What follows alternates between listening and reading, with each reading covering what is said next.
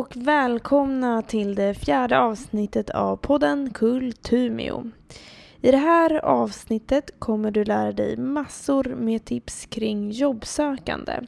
Oavsett om det är inför ett sommarjobb, ett jobb efter en utbildning eller vad som. Jag träffar Madeleine Jonsson som är regionsansvarig för Norrland på Academic Work. Jag blottar mig ganska mycket då vi låtsas att jag är på en arbetsintervju, vilket är rätt svettigt. Och sen kommer vi fram till massa bra tips. Så nu kör vi!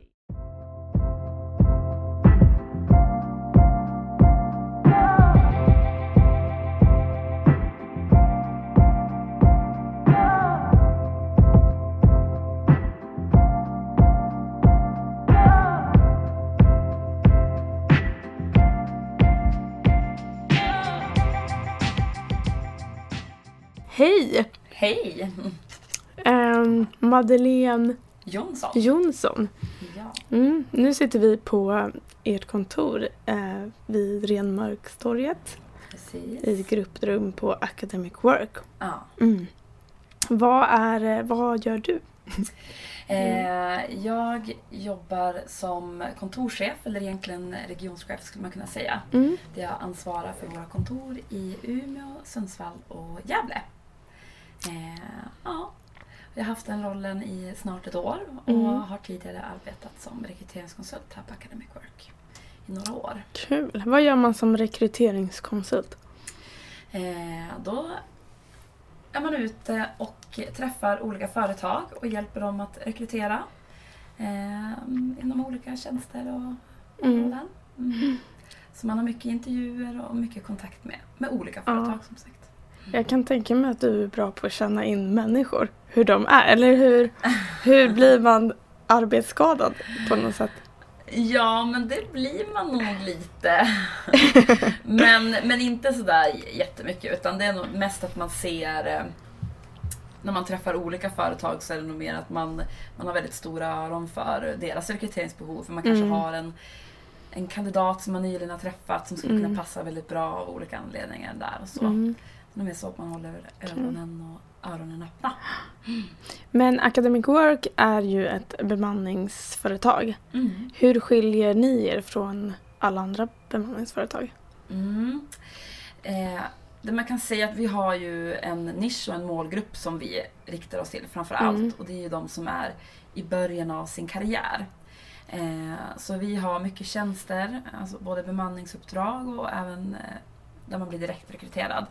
Eh, till de som antingen studerar, alltså befinner sig i studierna, eller några år efter studier och har hunnit Mm. arbeta ett litet tag. Men hur ser arbetsmarknaden ut nu? Det känns som att det eller jag tycker att det är väldigt svårt. Eh, och om jag jämför med mamma och pappa till exempel så de kun, kan ju uttrycka sig som att de tog ett jobb där och sen gjorde de det. Men nu så känns det som att det är mycket högre konkurrens på liksom även enklare jobb. Mm. Ja, jag tror att man, det personliga nätverket blir väldigt viktigt på även de Mm. enklare tjänsterna. Eh, men sen i övrigt så ser ju vi att det finns områden där det är kompetensbrist. Men då Mm. är det ju att man har erfarenhet, eller alltså framförallt Mm. en akademisk bakgrund. Eh, och där, Mm. Sen kanske det är att många har en bild av att just på den här orten vill jag ha mitt första jobb. Mm. Eh, och har man inte den här flexibiliteten så blir det ju genast ja, mycket smalare utbud av Mm. tjänster och därmed också en högre konkurrens. Vart är det störst konkurrens generellt sett? Är det... Jag skulle säga i de större städerna Mm. så är det en högre konkurrens. Mm. Eh, söker man sig ut till mindre orter, där finns det ju å andra sidan lite mindre uppdrag då, eller mindre Mm. tjänster. Men, men där är ju kompetensbehovet väldigt stort. Mm. Eh, oftast har man kanske inte en universitet eller yrkeshögskolor på de mindre orterna. Mm. Så att det finns liksom inte en naturlig Mm. Koppling dit kanske. Nej, och en naturlig tillförsel av Ja, kompetens och inflyttning. Precis. Mm. Mm. Okej. Eh, men vilka jobb är liksom mest trendiga nu? Eller vilka jobb är det störst liksom, konkurrens inom, skulle du säga idag? Jag tycker det är svårt att svara på. vart. Mm. Jag tycker att det är en ganska generell... Vi kan ju se att på IT-tjänster och inom teknik, Mm. så man jobbar kanske med samhällsbyggnad, att CAD-rita hus Mm. eller eh, landskapsarkitektur. Mm. Där är det ju en väldigt hög efterfrågan. Eh, Mm. vilket gör att konkurrensen kanske inte upplevs lika hög. Nej. Eh, jag vet att i år kommer det vara ungefär 10 personer som tar en dataingenjörsexamen i Umeå. Eh, och det är inte många om man tänker Nej. på att det finns betydligt mer jobb än så. Ja. Så där är det ju liten konkurrens. Mm. Så IT, eh, stadsplanering. Ja, och teknik, Och alltså teknik. produktion. eh, Ja. ja, där är det ju mindre konkurrens och enklare att Mm. hitta jobb. Okej. Eh, sen kan det ändå vara lurigt att få det första jobbet för många företag säger att jag har men en examen och kanske ett års erfarenhet. Så Mm. det är just det där första jobbet Mm. som ändå kan vara Mm. lite lurigt Mm. så att, eh, att få. Men eh, fortfarande så, så tycker jag att det ser, man har väldigt goda Ja. framtidsutsikter för. Men vilka jobb är eh, det överskott på? Eller liksom som folk söker mest inom tror du? Ehm, administrationsjobb, alltså där det blir Mm. lite mindre kvalificerat, att det kanske inte är tydligt att Mm. du måste ha den här utbildningen. Mm. då blir det ju genast att väldigt många kan söka Mm. eh, tjänsten. Och då blir det en, en tuffare konkurrens. För det har jag tänkt på, för jag har en ganska bred utbildning. Mm. Eller, jag har pluggat service management Mm. i Lund och där, när jag söker jobb så är det ofta, det känns som att jag konkurrerar med alla möjliga utbildningar. Allt ifrån ekonomer till folk som har läst marknadsföring eller PR Mm. till liksom mm, mer så ledarskap, alltså väldigt Mm. det är lite HR, lite ledarskap, lite marknadsföring, väldigt bred och det ehm, det är ju på ett sätt lite dumt om man tänker att det kan bli svårare att hitta jobb för att man Mm. det är inte så smal utbildning. Ja, jag, skulle, Men- jag förstår att du känner så. För det är Ja. Mm. lite min uppfattning också utifrån hur jag ser att det är på arbetsmarknaden här i, i Norrland. Att, eh, det är mycket specialistkompetens som efterfrågas. Mm. Och har man den här bredden, vilket absolut har många fördelar, men då blir Ja. det en bredare konkurrens också om Precis. Och jag kan Mm. tänka mig att det kanske är många som lätt hamnar i det här breda för att det är så himla många valmöjligheter och Mm. man vågar, det är så många som inte vet vad de ska bli när man ska välja utbildning Mm. och därför ta något brett liksom. Mm. Men eh, ja, det är ju den baksidan av myntet. Ja, Mm. precis. Sen finns det ju som sagt också många fördelar Mm. eh, som man kanske kommer ha med sig längre fram när man har Mm. jobbat några år också. Att man har den här bredden att stå på. Mm. Eh, och det Mm. öppnar upp många möjligheter att man faktiskt inte har låst sig vid vad man vill Precis. rikta in Mm. sig på. Eh, mm. Men då kanske man får tänka att man får jobba på sin erfarenhet mer och kanske inte siktar så högt direkt efter sin utbildning för att liksom sticka ut. Eller hur tänker Man kanske får se första åren, när man har en väldigt bred utbildning, att man får se de första åren som att lite pröva sig fram och hitta Mm. sin plats mm. i arbetslivet. Mm. Eh, för jag tror, och det oavsett om man har en specialiserad eller mer nischad utbildning Ja. än en bred utbildning tror jag att det är väldigt svårt att föreställa sig hur det kommer bli när man är ute och arbetar. Mm. Eh, vad man faktiskt kommer vilja göra. Mm. Jag vet själv när jag, jag pluggade till personalvetare och jag, Mm. när jag började studera hade jag en ganska tydlig bild av att jag jobb, ville jobba med men administration Mm. och ja, kopplat till HR-frågor och Mm. så. Eh, och det har jag ju inte... Jag har jobbat i administrativa funktioner idag men jag Mm. ser ju att det är ju inte de bitarna som jag brinner för i dagsläget. Eh, så att första tiden Mm. efter sin utbildning Ja, Är, det blir mm. mer att man undersöker och, och lär känna sig själv vad man vill göra. Precis. Men det är ju, Och, ja. Jag tänkte bara säga att och har man en bred utbildning så tror jag att man, man måste våga chansa också. Att men nu Mm. testar jag det här jobbet. Det kanske inte var det jag hade tänkt mig när jag började studera men Mm. jag prövar det här och så får jag se vart det leder. Mm. Eh, Hur länge... eh, Det känns som att... eh, Hur ofta brukar man byta? Eller liksom, vad kräv, bör man ge det ett år? Eller hur lång tid tycker du att man... Det tycker jag absolut att man ska sträva efter. Ja, Eh, för den här att vara ny på jobbet det är man ju mm, det beror ju såklart på vilket typ Mm. av jobb det är. Men Mm. första halvåret är ju mycket eh, komma in i, i rollen Mm. och eh, lära känna kollegor och bli bekväm med arbetsuppgifter och ha den här överblicken. Eh, Mm. Skulle jag säga. Sen är det ju olika, vissa tjänster och roller tar ju säkert flera år. Mm. Eh, men generellt så absolut ett år krävs det nog innan man Innan man- kommer in i det. Ja.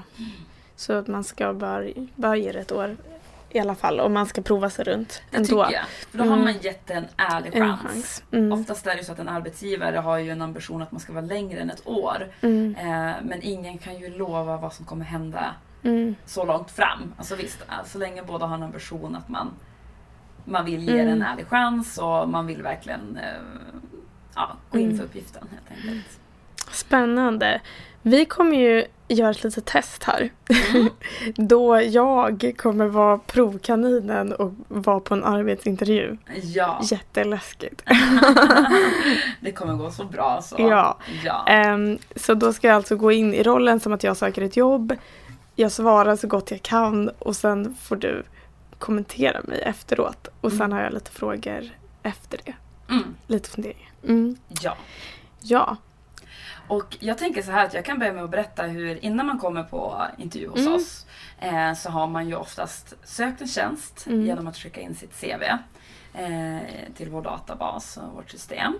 Eh, sedan så brukar vi när vi gör urvalet ringa telefonavstämningar Mm. där vi stämmer av att man har skallkraven. Mm. Eh, ja, och kanske det är vissa förtydliganden som behövs kopplat till CVt och så. Mm. Eh, sen när man kommer till en intervju då blir det mer kompetensbaserade frågor. Eh, mm. Så Så- det. Men det här första steget när ni, koll, när ni har fått in alla ansökningar. Mm. Vad, vad är det första ni gallrar bort? De som inte når skallkraven. Det kan vara att man måste ha, men som en enkel grej, B-körkort. Eller Mm. att man eh, måste ha en specifik utbildning. Mm. Eh, och en klassisk så när vi säger att ja, men den här personen har en specifik utbildning Mm. men den bor på en annan ort. Då kan det vara en sån person som vi ringer till och frågar lite extra frågor. Att Mm. när planerar du att flytta upp? Eller ja, Mm. just för att se om personen Mm. är på väg till, eh, Okej. till orten. En så. sån enkel grej som att eh, om man inte har examen helt men att Mm. man har läst utbildningen men inte har klarat alla prov eller tentor. Mm. Eh, blir man bortgallrad där? Mm. Liksom? Eh, nej, inte per automatik. Men det Nej. styrs mycket också av den kravprofil som vårt kundföretag ger oss. Mm. Jag kom på en till fråga bara. Skillnaden mellan traineetjänst och internship? Skulle säga att det är ungefär samma. Ja, Eh, fast det är olika namn. okej. Mm. Mm. Eh, ja, så innan där, man, ni gör det där checksamtalet, Mm. ringer upp eh, och kollar liksom de här skallkraven. Mm. Och sen nästa steg. Då blir det en intervju Ja. eh, med de som fyller kravprofilen i den största utsträckningen. Mm. Eh, och efter det så är det ju referenstagning. Mm. Eh, där vi kontaktar eh, med ungefär två till tre referenser. Mm. Eh, får, om jag har skickat in mitt CV till er och jag har ju massa referenser Mm. då. Eh, kan jag välja vilka ni ska ringa? Eller säger ni vilka ni vill ringa? Vi kan absolut ha önskemål. Ja. Men om du känner att den här referensen eh, har jag jobbat väldigt nära med och Mm. den kan beskriva mig bra som person. Mm. Eh, och gå, ja, göra en mer djupgående beskrivning om vem jag är. Därför rekommenderar jag er att ni ringer Mm. den. Mm. Det är ju jättebra för dig att lyfta fram det. Mm. Eh, för ganska många gånger får man ringa referenser som, som där personen knappt har arbetat med den som har sökt jobbet. Mm. Och då blir det ett ganska tunt beslutsmaterial Mm. kring vem som ska få tjänsten. Mm. Och ju mer du har som går i god för dig i Ja. processen, ju tryggare kommer ju vi känna oss att välja dig för Ja. just den tjänsten. Precis. För det är ju ofta, för man vill ju ändå ha sin chef som referens, för det är väl det man Mm. brukar ha. Men ofta så kanske man inte jobbar nära sin chef utan det kanske är en kollega. Kan, men kan en kollega vara en referens? ja. Absolut. Okej, för det har jag inte liksom. Vi Mm. brukar säga att vi vill ha referenser i ett 360 graders perspektiv. Ja. Eh, alltså, någon som antingen ja, man har varit en chef Mm. givetvis, men Mm. även någon som har varit en kollega. ja. Eh, så att man har båda perspektiven. Så. Mm. Men, men en chefsreferens är ändå viktigt också att man, Mm. att man Ja, lämnar. man Mm. mm. Och, och gärna att man lämnar referenser som ligger i, i närtid om det går. Mm. Ganska vanligt att folk lämnar referenser som är många, många år bort. Och Mm. då blir det ganska, eller vad ska man säga, det blir referenserna själva säger att ja, jag vet inte Mm. hur jag kan svara på den här frågan eftersom att det var så länge Ja. sedan vi, vi jobbade tillsammans. Är referenserna, hur tungt väger de om man jämför med intervjun?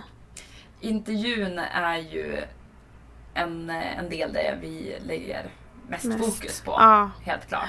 Men referenserna är viktiga. Mm. Eh, och skulle det komma upp information i referenserna Mm. eh, som, in, ja, men som inte överensstämmer med intervjun.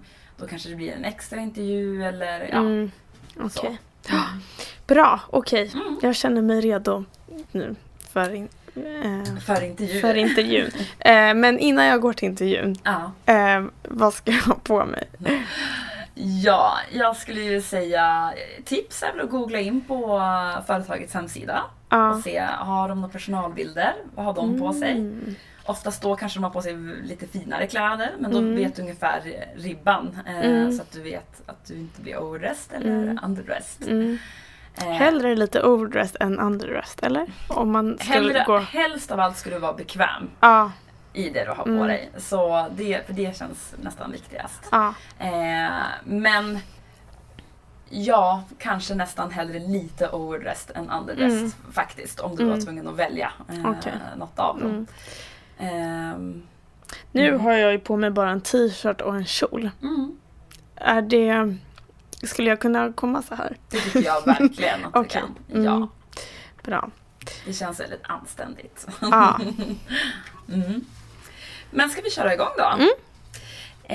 Eh, och som sagt, jag brukar alltid när jag kommer in på de här frågorna som är just kompetensbaserade eh, intervjufrågor så brukar jag faktiskt berätta för eh, personen jag ska intervjua att jag kommer ställa en del frågor Mm. eh, där jag kommer be om konkreta exempel Mm. eh, på olika situationer i ditt arbetsliv eller under tiden du studerade.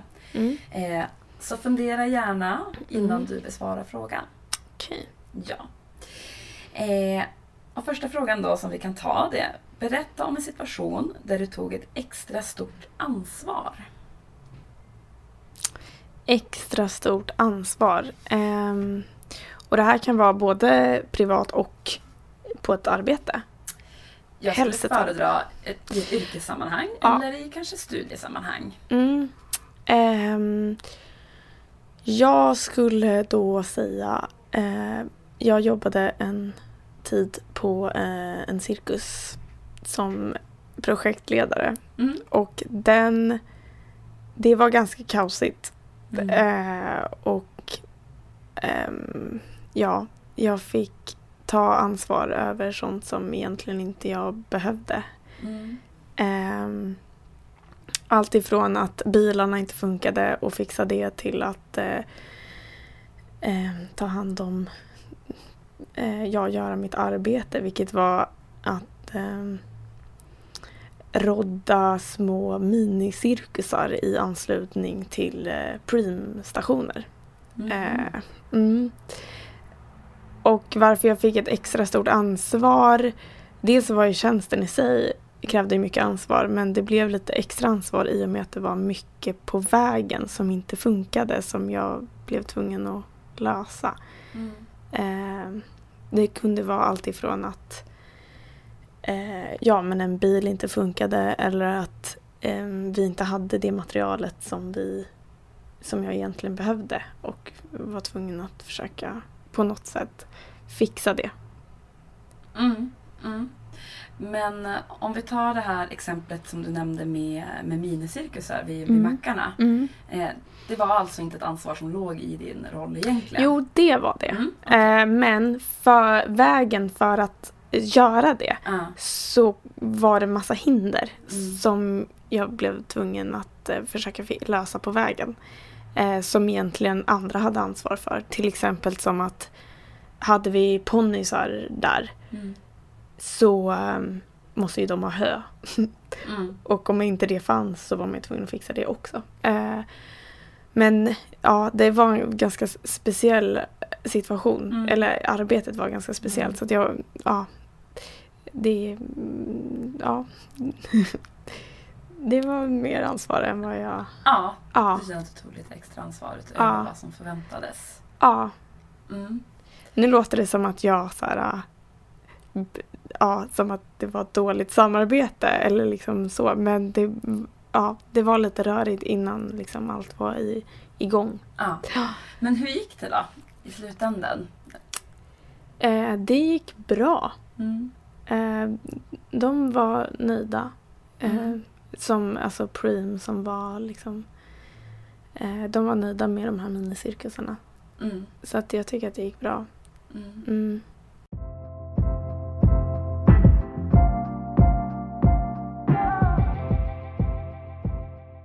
Kan du berätta om en situation där du har hjälpt en kollega eller en studiekamrat? Det är svårt att säga vad är hjälpt egentligen för det är ju ofta man samarbetar och då hjälper man ju varandra hela tiden. Liksom, för att man samarbetar. Mm. Alltså det känns ju... ehm, jag har jobbat väldigt mycket i team Mm.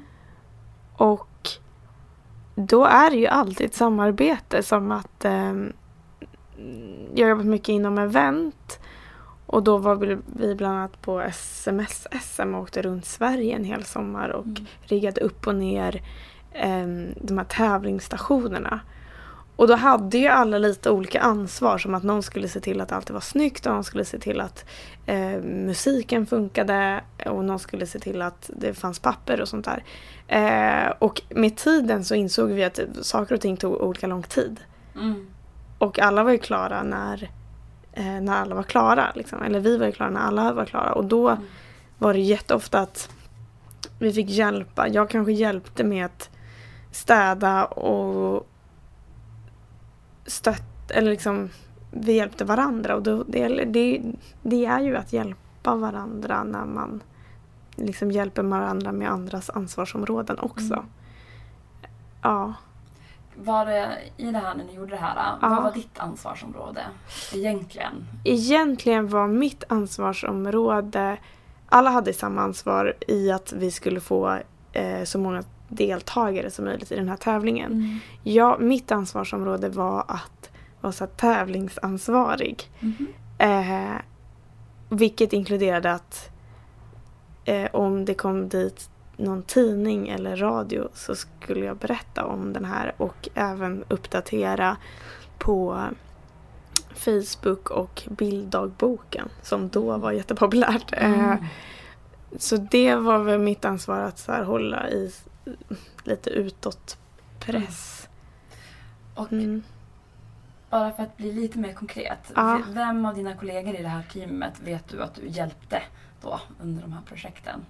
Eh, Att eh, jag, mitt tog inte så mycket tid utan det var ju så att jag registrerade jättemycket deltagare på datorn mm. eh, och städade och eh, ja, Hur kommer det sig att du hjälpte till med just det här då? för att jag hade tid med det. Mm. Mm. Okej. Då går vi vidare Ja. till nästa fråga. Den här kanske är lite knivig men vi tar Mm, den. Ja. Eh, berätta om en person eh, som du tyckte det var svårt att samarbeta med. Och berätta om den situationen så att säga. Ehm. jag kan nog säga... Det är lite läskigt för man vet inte vem som lyssnar. Lyssna. Eh, Nej, alltså men- inte in på personliga detaljer. Nej, Mm. ehm, men jag skulle berätta en situation där det var svårt att samarbeta för att vi... Det var dålig kommunikation helt enkelt. Mhm. Eh, och det ledde till missförstånd. Mm. Att jag kanske gjorde, prioriterade lite fel. Eh, och jag kanske gick en, en annan omväg för att jag tänkte, alltså vi gick om varandra och det var mycket på grund av eh, alltså kommunikation. Mm. Eh, och det har jag lärt mig av jättemycket i efterhand att eh, eh, när det är någon som jag märker inte tycker om att prata i telefon Mm. så måste jag göra det i alla fall. Mm. Ehm, och vara på och ses ändå för att det blir tokigt. Mm. Mm. Jag tycker inte vi grottar in oss mer Nej. den, men den är en svår fråga. Ja, Eh, men just när det kommer till samarbete så ofta får man berätta om framgångsrika samarbeten som man har gjort. Men det kan vara Mm. bra att vara inställd på att berätta om en situation där ett samarbete Mm. har varit mindre framgångsrikt. Mm. Eh, och vad man har tagit med sig från det och Mm. hur man hanterade den situationen. Mm. Sen så behöver vi inte grotta in oss mer Ja, i det mm. här. Ja. Mm. Berätta om ett tillfälle då du har tackat nej till nya arbetsuppgifter. Det har jag nästan aldrig gjort. Gud vad knäppt. Eh, jag är väldigt orädd för att ta, göra nya arbetsuppgifter. För jag är inte så rädd för att misslyckas. Mm. Eh, Så har, det aldrig hänt? det måste ju ha hänt. Eh, jag tror tyvärr att det är arbetsuppgifter som är väldigt, väldigt enkla. Och har jag jättemycket att göra så kan jag tänka att kan ingen annan göra det här? Mm. Och det har jag sagt som ett så förslag att kan inte eh, de här personerna kan tänka sig att göra det här. Går det bra om de gör det istället? Ja, Mm. så då har jag ju tackat nej till den arbetsuppgiften. Mm. Precis. Ja. Har du något konkret exempel på någon sån situation? Mm. Eh, det var till exempel när vi jag skulle affischera inför en, för det skulle vara en konsert. Eh, och jag hade massa annat för vi höll på att boka eh, såna här teatrar och lokaler för en artist. Och då ska man ju affischera och sånt där innan och då tyckte jag att ah, kan inte mm, vi kan få någon att göra det här gratis. I, ganska enkelt genom att ge ut biljetter gratis. Eh, men det blev faktiskt så att jag gjorde det i alla fall för att jag inte fick så mycket medhörning Mm. i det förslaget. Så det var ju, men ja. Vilket är ganska dumt kan jag tänka i efterhand för att då blir det mer som ett gnäll. Antingen får jag säga nej helt och hållet än att kanske säga ah, kan ingen annan göra det här Mm. och inte vågar liksom. Mm. Kanske. Men hur blev resultatet? Eh, Det gick nog ihop ändå men jag var nog ganska stressad då. mm. För det var i samband med att jag pluggade också och ehm, ja, det kändes som att jag behövde lägga mer tid på det istället för att gå runt och affischera som vem som helst egentligen kunde göra istället. Mm. Mm. Då kör vi en sista fråga då. Ja, Berätta om en situation där du tappade motivationen i arbetet. jo, på en arbetsplats där jag aldrig fick någon feedback. Mm. Ehm, eller mm, då tappar jag motivation. Om det känns som att man bara ger och ger och ger och ger och inte får någon uppskattning tillbaka. Mm. Ehm, Hur hanterade du det? jag, det gick ganska lång tid innan jag gjorde något åt det. Sen så frågade jag, skulle jag kunna få lite uppföljning på det här? Mm. och lite feedback. Så jag hanterade det genom att eh, ja, be om något slags utvecklingssamtal. Vilket var jättebra för jag, jag tror att det eh, liksom ja, rensade luften lite. Mm. För vi hade liksom aldrig riktigt pratat eh, kring arbetet egentligen. Mm. Alltså utvärderat det som man hade gjort. Mm. Så det var skönt. Mm. Mm. Och ja, vad, vad blev resultatet av det? Att ni fick rensa luften? Resultatet blev faktiskt att eh, jag slutade. Ehm, och det var egentligen ganska ömsesidigt tror jag. Mm. Mm. Det var För, helt enkelt inte... nej, min påse. Ehm, nej, det var det inte. Mm. För de arbetsuppgifterna var väl inte riktigt det som jag eh, var särskilt bra på egentligen. Och det ledde till att jag, det var inte lika kul då heller. Så det var väl en kombination med att eh, ja, ingen feedback och att jag inte var särskilt bra på det. Mm. Men bra, det var de frågor som jag Ah. hade till dig idag. Gud vad läskigt. Oh. Jag har Mm. ställt lite olika frågor kring olika kompetenser. Ja. Eh, Så jag har inte gått in på djupet på någon specifik kompetens Nej. utan du har fått vara inne på ganska många Mm. olika områden. Det känns verkligen som att man måste tänka ut olika situationer. Alltså blicka bak mycket Mm. Det kan vara ett bra sätt att förbereda sig inför en intervju. Just Mm. sådana här äh, ja, situationer. För det beskriver ju jättemycket om hur man är Ja, i arbeten.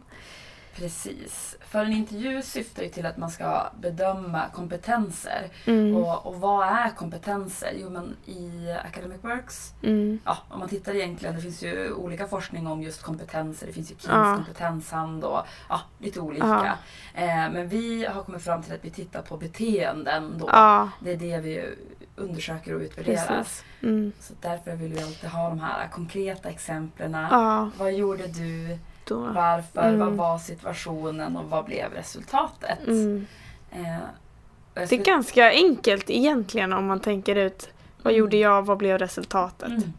Områdena i de frågorna du ställde var ansvar, Ja, Ansvarstagande ställde jag om Mm. och sen Samarbete. samarbete. eh, flexibilitet, nej, stress, tålighet, flexibilitet och ihärdighet.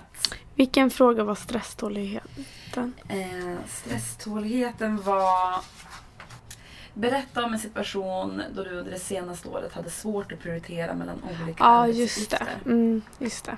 Mm. Mm, mm. Precis. Ja, okej. Men vad fick du för intryck av mig? Eller mina svar? Jag, tycker, jag fick ett gott intryck och det man kan säga är att eh, det var ganska tydligt att du under slutet blev mer och mer bekväm och förstod Ja. hur det skulle bli, att du skulle vara konkret. Ja. Så. Eh, sen så funderade du innan du svarade och det är bra och jag tror Mm. att du skulle kunna vinna på att fundera lite ännu mer Mm. innan du börjar prata och beskriva situationen. Mm. Så. Det enda känns, om man sitter där tyst, då, det är jättejobbigt. Eller Ja. man vill ju... Eh, det blir som att man inte har något, så här, säg någonting som du är bra på och så bara är man tyst jättelänge. Ja. Då känns det som att man inte vet någonting. Jag förstår vad du menar, att Men- man kan känna så. Och det Ja. är ju den här äh, att det känns onaturligt att vara tyst. Ja. Men, och det är också därför jag säger alltid innan eh, Mm. när jag börjar ställa de här frågorna Mm. att ta tid, fundera, det är helt okej. Mm. Eh, just för att göra, för att skapa ett öppet Ja. klimat i intervjun. Precis, och det är ju så viktigt. Mm. Alltså det är ju så ofta som om jag har varit på arbetsintervju att jag efteråt bara men gud varför sa jag inte det? Eller så här, Mm. eh, man har ju en chans. Mm. Mm. Mm. Så därför, jag tycker inte man ska vara rädd för att fundera och man kan ju säga det att jag väljer mellan två olika situationer, vänta. Och så blir man tyst en liten Ja. stund och så sen, Mm. Mm. ja, jag vill rikta in mig på den här Mm. situationen och berätta om Mm. den. Och så sen så kör man. Och något som jag tänkte också på är ju om man har varit på ett jobb som man inte har varit bra på eller som man inte har varit lämpad Mm. för. Eh, det känns ju jättedumt att säga det. Eller liksom hur reagerar du på om man har berättat att man har fått sparken till exempel? Jag tror att här är det viktigt att man har självinsikt kring situationen. Mm. För om man försöker mörka en sån situation, eh, Mm. men att det sedan kommer fram i referenser, Mm. eh, då står ju inte det till ens fördel. Nej. Utan då vinner man ju mer på att vara öppen och ärlig. Det, menar, vi ställer ju inte frågor om har du någon gång fått sparken. Det skulle Nej. vi aldrig ställa. Nej. Eh, men om det, man kommer in på, på den eh, arbetsplatsen där man har varit och ja. Ja. Då kanske det till slut blir lämpligt att man får en lucka. Att ja, men här kan jag faktiskt berätta att jag valde att sluta vid, Ja. eh, på grund av att jag tyckte att arbetsuppgifterna inte passade mig. Eller ja, vad det nu kan ha berott på. Men man kan försköna, alltså, eller hur mycket får man så här, töja på sina verkligheten? Ja, alltså man ska ju inte ljuga. Nej. Eh, sen så ska man ju ändå vara stolt över sig själv. För vissa Ja. är ju nästan för ödmjuka. Eh. Att, eh, att man nästan inte vågar lyfta sig själv för Mm. att man är ja, väldigt ödmjuk. Och, Ja.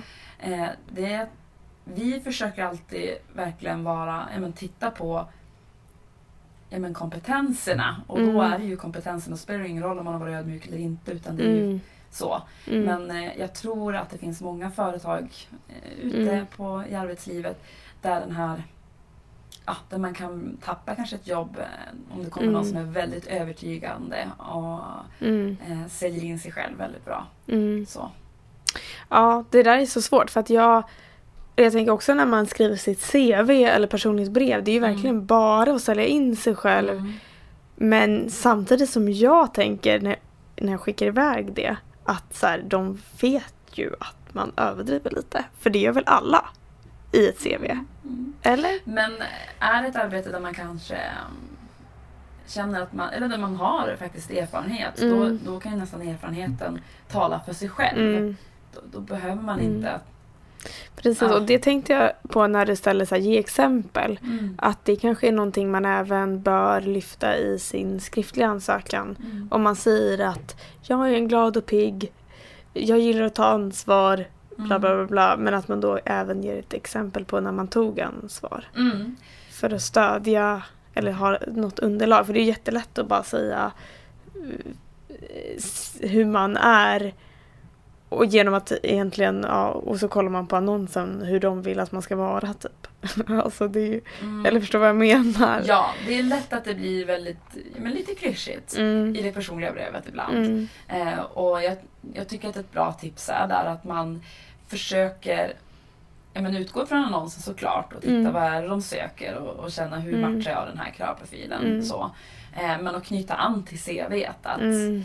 eh, ja, men man kanske kan skriva någonting om att eh, jag har, tack vare att jag har varit ambitiös och tagit eh, extra ansvar så har Mm. jag snabbt kunnat få ja, men, avancerat på det här företaget. Eller, eh, och då blir det, Mm. så får det ju genast mer tyngd att, Mm.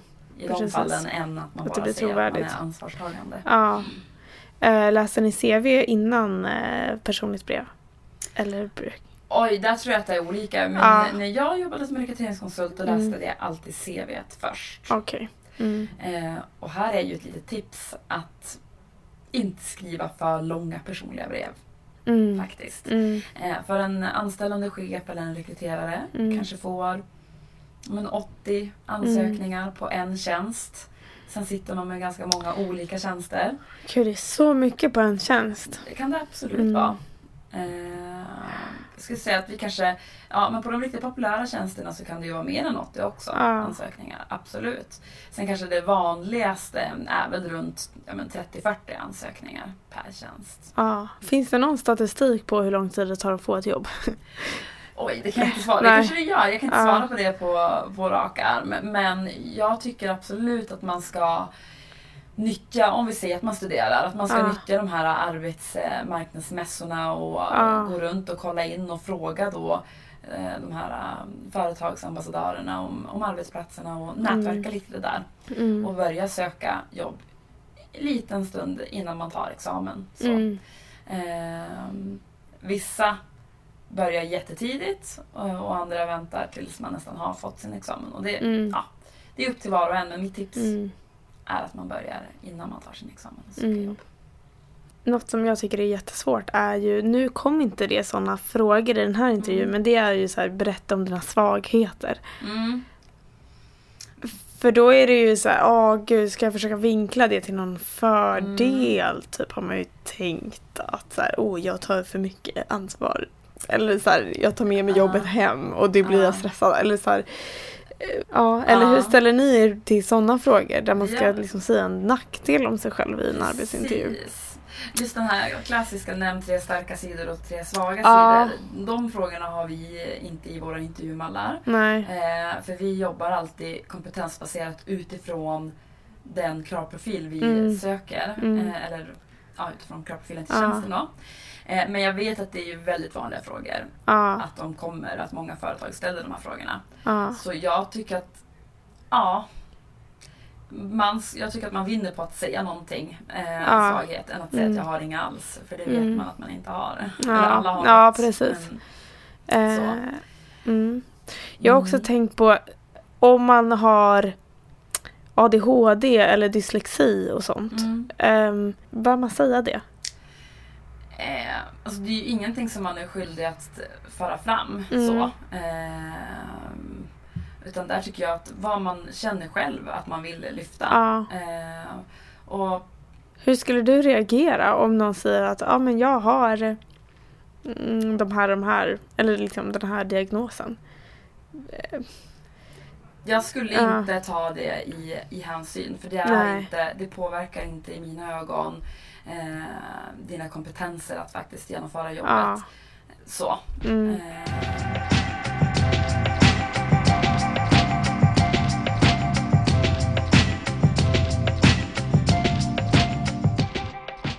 Det känns som att alla pluggar mm.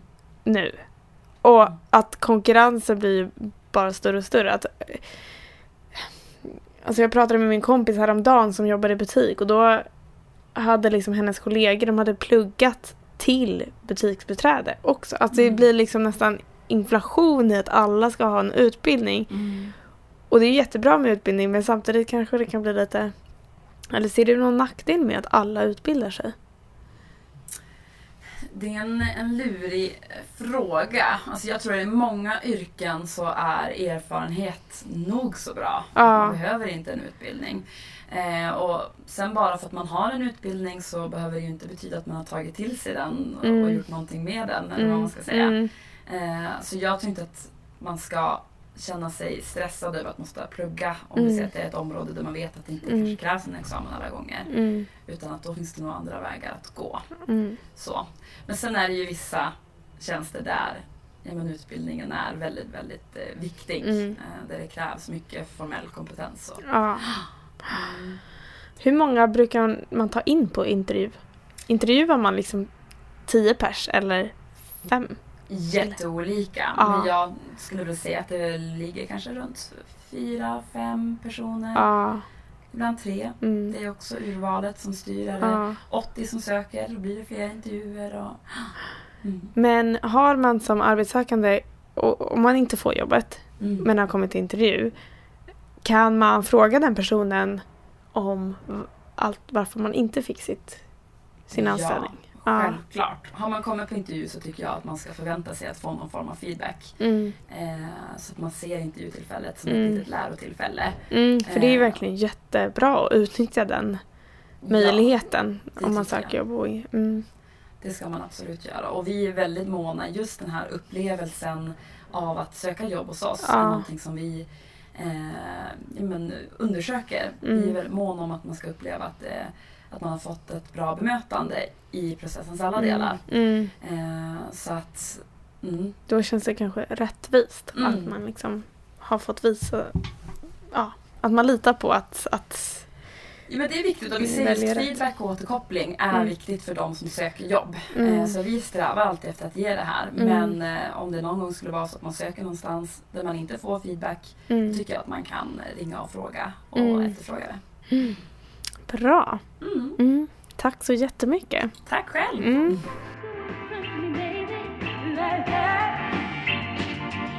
She gave me to the